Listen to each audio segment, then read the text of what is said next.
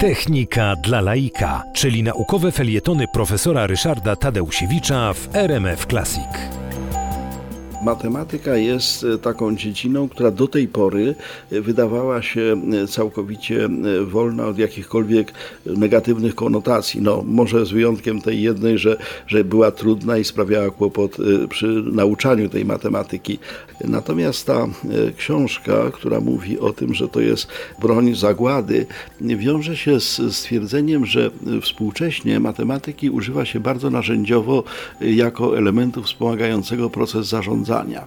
E, ci wszyscy, którzy wykorzystywali do tej pory no, przede wszystkim swoją wiedzę, intuicję, zdrowy rozsądek, w tej chwili posługują się masowo różnego rodzaju metodami matematycznymi, e, czyli mówiąc krótko algorytmami, gdzie komputer odgrywa bardzo istotną rolę e, czynnika współdecydującego, a właściwie dokładnie mówiąc, podejmując decyzje w różnych sprawach, my opieramy się w coraz większym stopniu właśnie na wynikach modelowania, symulacji komputerowej, różnego rodzaju mm, matematycznych wyliczeń, które mają nam wskazać, które z rozwiązań jest mm, najkorzystniejsze, które można uznać za optymalne.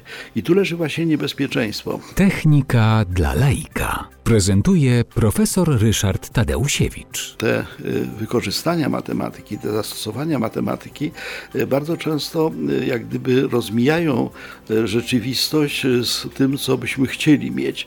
Czyli innymi słowy, chcielibyśmy mieć genialnego, precyzyjnego i nigdy nie mylącego się doradcę w postaci matematycznych metod i narzędzia, którymi metody te są, że tak powiem, wykorzystywane, czyli komputera. Tymczasem te programy komputerowe zawierają różnego rodzaju błędy.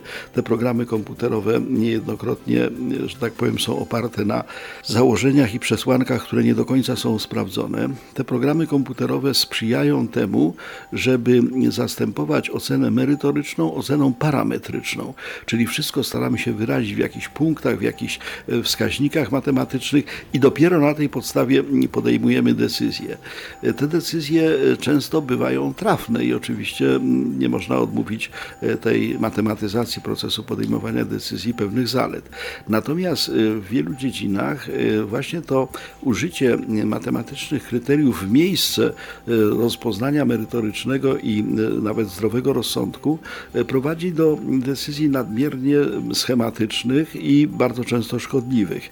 I to niestety jest nieszczęście. W moim przekonaniu właśnie książka, która mówi o tej matematycznej mocy destrukcji, konstrukcji mówi właśnie o takich sytuacjach, kiedy matematyki używa się zamiast, zamiast myślenia.